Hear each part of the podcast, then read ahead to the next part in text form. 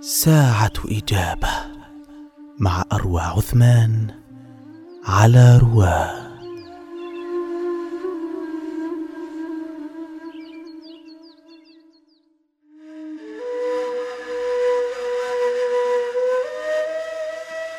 اللهم إنا نسألك توبة سابقة منك إلينا لتكون توبتنا تابعة إليك منا وهب لنا التلقي منك كتلقي آدم منك الكلمات ليكون قدوة لنا في التوبة والأعمال الصالحات.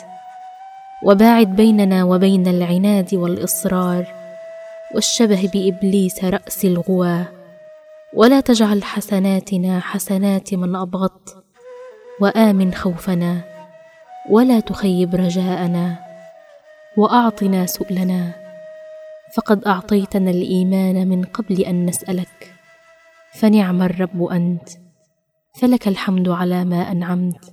اللهم اغفر لنا ولا تعاقبنا بالسلب بعد العطاء ولا بكفران النعم وحرمان الرضا.